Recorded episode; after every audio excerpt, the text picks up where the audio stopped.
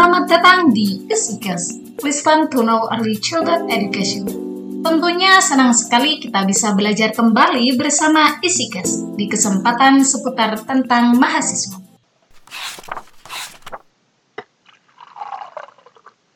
Well, gimana nih kabarnya teman-teman semuanya? Menyenangkan atau membosankan? Pastinya semoga hari-hari kalian selalu menyenangkan ya. Sebelumnya perkenalkan, saya Nur Aini Mahbuba yang akan memandu podcast di kesempatan yang berbahagia ini. Di podcast kali ini kita akan membahas hal yang menarik bagi mahasiswa tentunya, yang biasanya selalu dibingungkan oleh kalangan mahasiswa, yaitu lebih penting kuliah atau organisasi. Oke, di samping saya sudah ada narasumber cantik yang akan memberikan informasi kepada kita semua sebenarnya penting kuliah atau organisasi sih?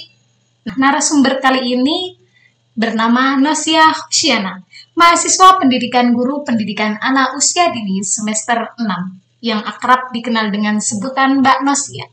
Oke, langsung saja kita sapa Mbak Nosia. Halo Mbak Nosia.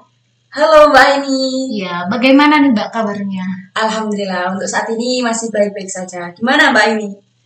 Alhamdulillah, saya sendiri baik-baik saja. Mbak Nasia sekarang sangat sibuk sekali ya. Kalau bisa dibilang Mbak Nasia ini mendapat julukan mahasiswa kura-kura, kuliah rapat, kuliah rapat.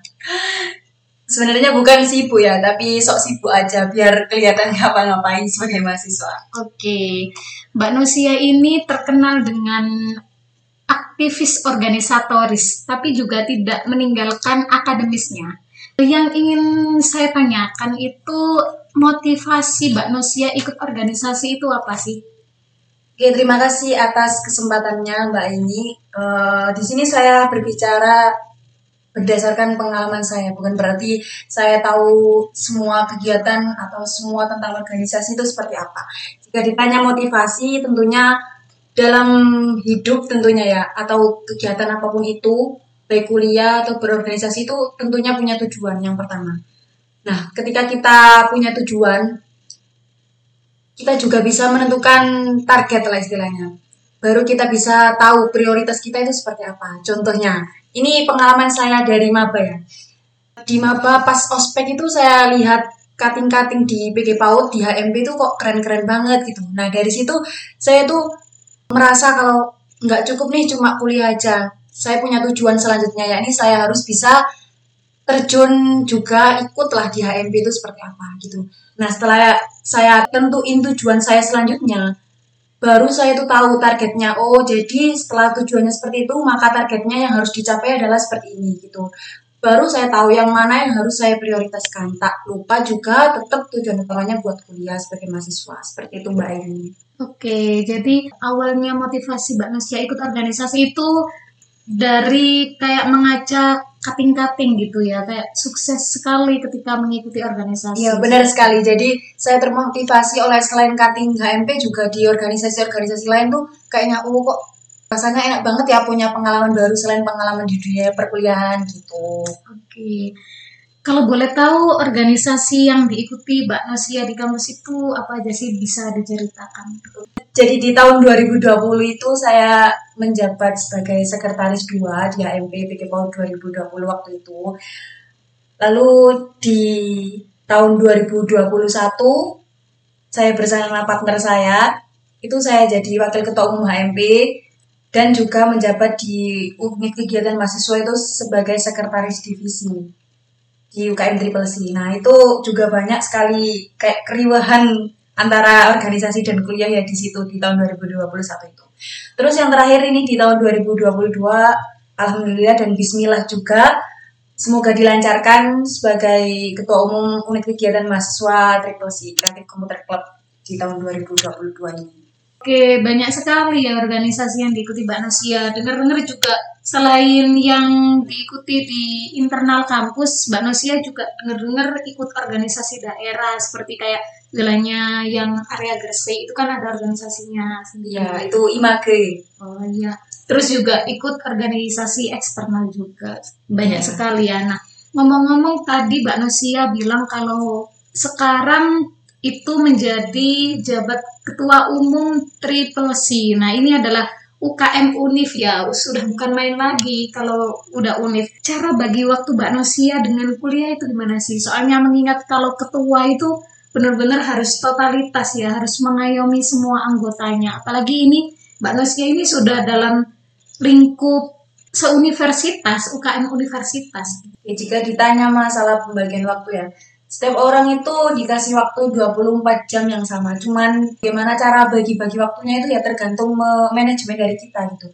Kalau saya sendiri itu termasuk tipe-tipe orang yang kalau ngerjain SKS itu nggak bisa gitu. Meskipun kalau orang bilang kalau SKS itu langsung ada dapat ide gitu ya. Cuman kalau saya kalau udah jenuh dan apa istilahnya itu bingung banget itu nggak bisa gitu. Nah, apakah terus saya meninggalkan? Enggak gitu. Masalah tugas kuliah biasanya saya mengerjakan itu saya cicil. Jadi sistemnya jauh-jauh hari saya cicil gitu. Nah kalau pas free free di organisasi itu juga saya fokuskan di kuliah dulu. Baru ketika saya di organisasi masalah kuliah itu saya break dulu. Sekiranya penempatan di organisasi ini saya apa ya punya tanggung jawab lah yang lebih besar posisi saya itu seperti apa yaitu saya prioritaskan yang organisasi gitu. Terus ketika ada waktu free antara kuliah dan organisasi itu juga saya mengerjakan yang sekiranya apa sih deadline yang paling paling mepet gitu. Kalau misal ada deadline di kuliah ya saya kerjakan yang kuliah, kalau yang di organisasi ya saya kerjakan di organisasi dulu. Intinya jangan pernah apa ya mengerjakan dua hal secara berbarengan gitu. Kalau orang lain bisa tapi saya itu tipenya itu nggak bisa kalau kayak gitu. Pasti salah satunya itu yang yang terkorbankan gitu. Jadi mending satu fokus dulu. Ketika nggak nggak selesai, oke okay, break dulu pindah ke yang lain. Tapi jangan sampai merasa bingung dengan keduanya kayak gitu Mbak Aini. Oke, oke. Jadi Mbak Nusia ini ketika membagi waktu itu benar-benar memanfaatkan waktu luang yang ada ya. Jadi istilahnya kalau saya tangkap nggak ada kata pengangguran. Selagi waktu kosong ya itu harus dimanfaatkan dengan maksimal. Siap, siap, siap. Sesekali jalan-jalan ya. siap, siap.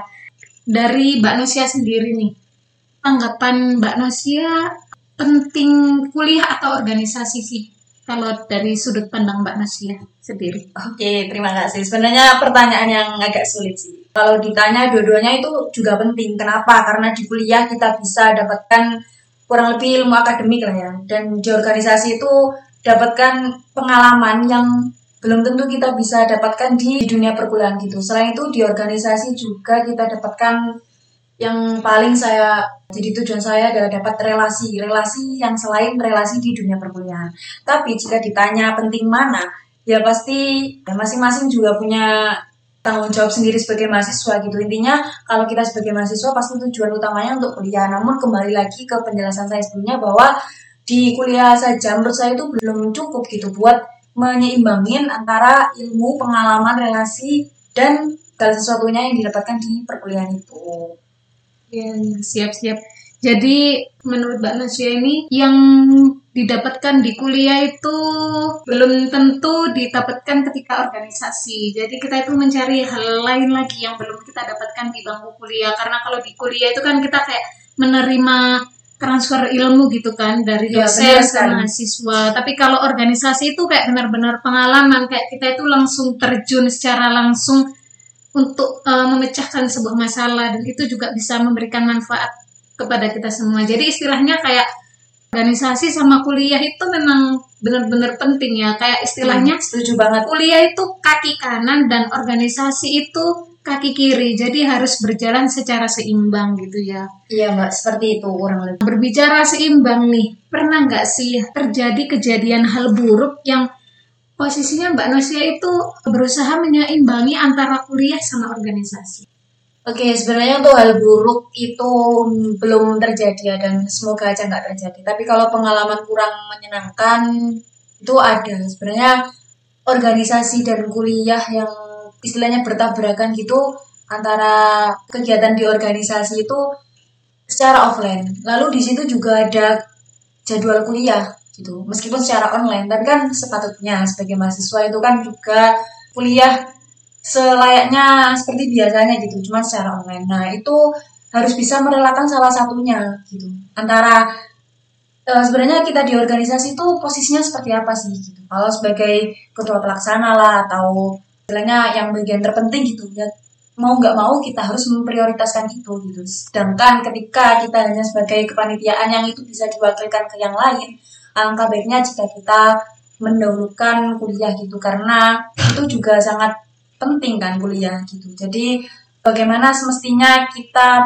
tahulah sadar posisi kita baik di organisasi atau di perkuliahan itu kayak gimana. Tapi semu, semaksimal mungkin sebisa mungkin kalau di, di organisasi itu bisa diwakilkan ya kita tentunya memilih untuk kuliah. Gitu. Jadi Mbak Nosia sendiri bisa dibilang pernah atau tidak ya kalau mengalami hal seperti itu? Jadi alhamdulillah sampai saat ini sih belum ada ya hal buruk yang yang terjadi antara kuliah sama organisasi gitu. Oh, iya, alhamdulillah semoga selalu seimbang dan kuliah kita berorganisasi tidak mengganggu kuliah gitu ya. Oke. Okay. Seringkali kejadian terdapat tanggapan bahwa mahasiswa yang sering kali ikut organisasi itu selalu menomorduakan kuliah. Artinya kayak ketika berorganisasi itu udah terhanyut di organisasinya, fokus organisasinya, bukan fokus pada kuliahnya. Tanggapan dari Mbak Nasia gimana sih?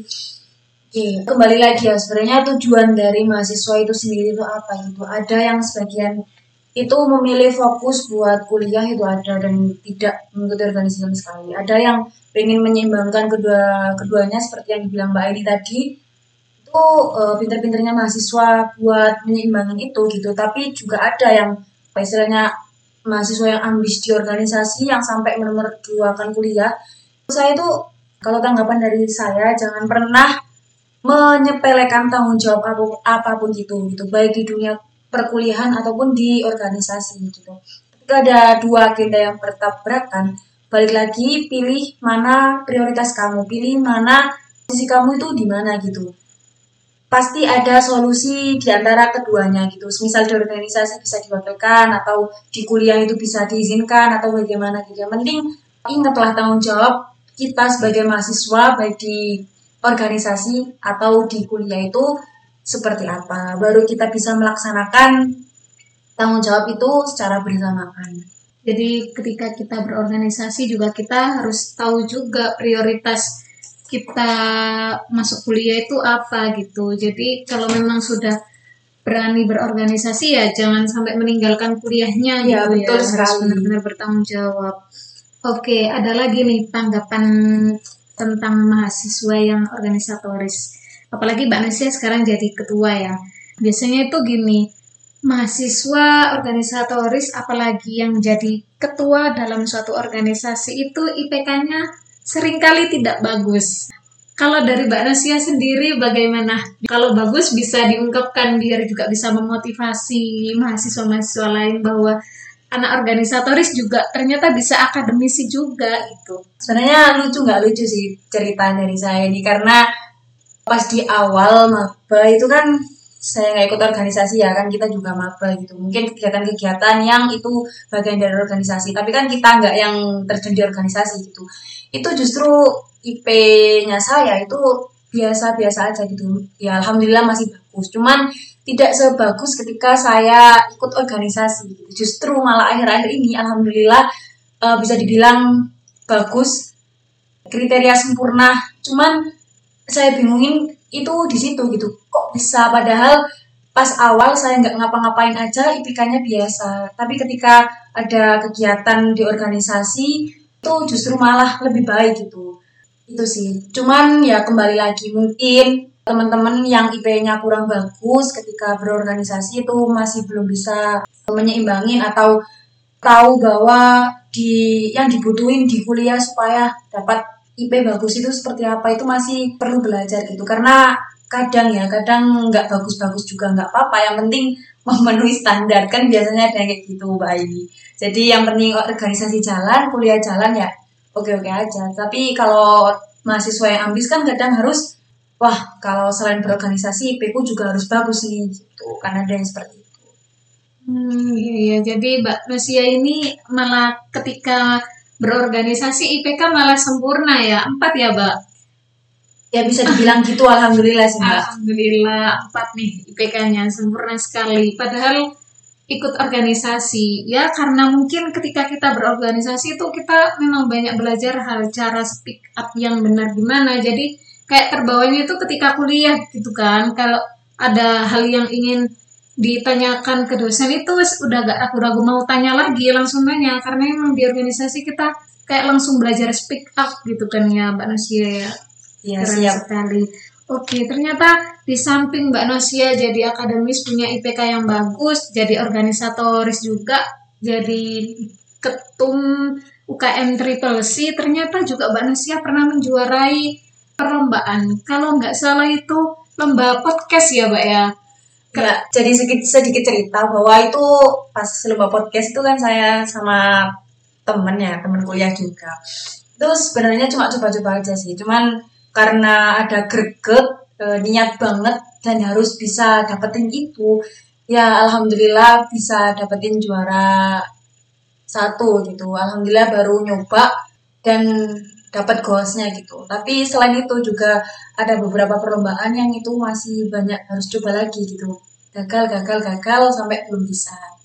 Keren sekali, juara satu podcast. Jadi istilahnya uh, kita mencoba saja gitu ya, Mbak Nasia ya.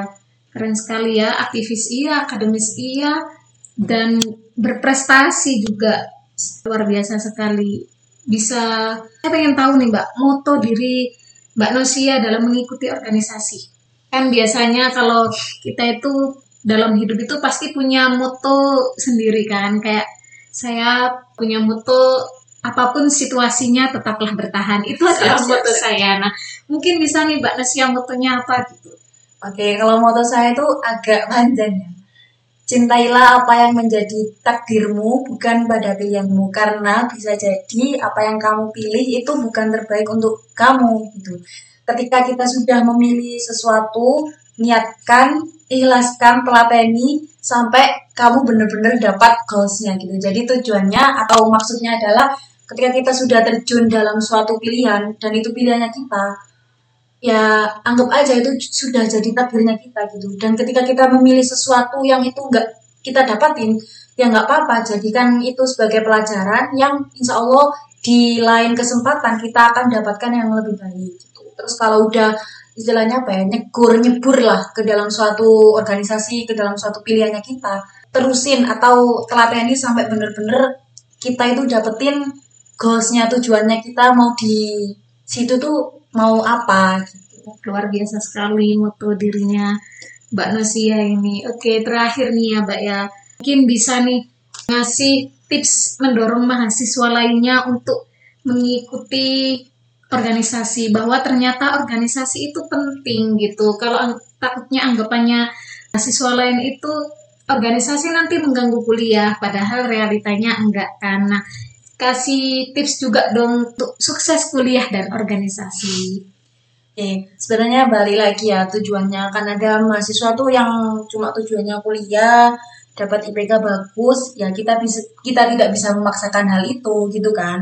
Ada juga yang pengennya oh kok cuma kuliah aja gitu-gitu aja. Apalagi saya itu termasuk tipe-tipe orang yang pengen hal baru gitu, pengalaman baru yang belum pernah saya dapatkan sebelumnya contoh di awal-awal ah, pengen ikut organisasi ini gitu. Di semester ini harus organisasinya beda. Terus di semester ini harus apa ya yang kemarin itu ikut magang gitu. Kan jadi ada suasana yang beda gitu. Nah dari situ dari apa ya pengalaman-pengalaman kita yang kita ikut itu berbeda. Kita dapetin oh jadi seperti ini seperti ini. Nanti kita dapatnya dapatkan feedbacknya atau impactnya ke kita itu di kemudian hari nggak langsung gitu. Mungkin akan sulit ya karena yaitu balik lagi kita sebagai mahasiswa tentunya harus memprioritaskan kuliah. Cuman balik lagi ke tujuannya kita gitu. Jadi tips apa ya biar kita ikut organisasi atau memilih organisasi yang bagus itu seperti apa. Yang pertama kita tahu lah organisasi itu arah tujuannya ke mana gitu. Jangan sampai kita memilih organisasi yang hanya untuk senang saja atau malah membuang-buang waktu kita. Nah itu kurang setuju banget gitu. Pilihlah organisasi yang itu membuat kita terus tumbuh gitu, terus berkembang. Yang kedua adalah kita lihat dari lulusannya atau alumni alumninya. Sekiranya oh ketika lulus dari sini ternyata banyak yang mengembangkan dirinya di sini di sini karena organisasi ini. Nah itu harus kita pilih yang benar-benar kita pilih gitu karena kita nggak akan dapetin relasi yang baik daripada alumni-alumni yang pernah kita ikutin di organisasi yang kita pilih itu tadi. Terus kalau ditanya masalah tips sukses kuliah dan organisasi yang bisa melihat sukses atau enggaknya kan orang lain ya. Yang bisa kita usahakan dari sekarang adalah bagaimana organisasi atau kuliah yang kita bawa itu bisa berjalan secara maksimal gitu dengan usahanya kita, dengan usaha, dengan niatnya kita, dengan kita istilahnya telaten lah mau meneruskan apa yang kita pilih dan tentunya kita komunikasikan dengan baik dengan partner kuliah atau partner organisasinya kita karena kita kan gak mungkin sendiri ya mainnya. Kita kan hmm. ada partner tugas atau partner organisasi. Lah itu kalau kita komunikasinya jelek nanti akan berimbas ke organisasi atau kuliahnya kita. Tapi kalau kita komunikasinya baik terus jalannya jalin relasinya itu dengan baik maka yang kita bawahi tanggung jawab itu pasti akan lebih mudah. Oke, luar biasa sekali. Terima kasih banyak ya Mbak Nusia atas cerita dan pengalamannya. Baik teman-teman, mungkin cukup sekian ya podcast pada kali ini.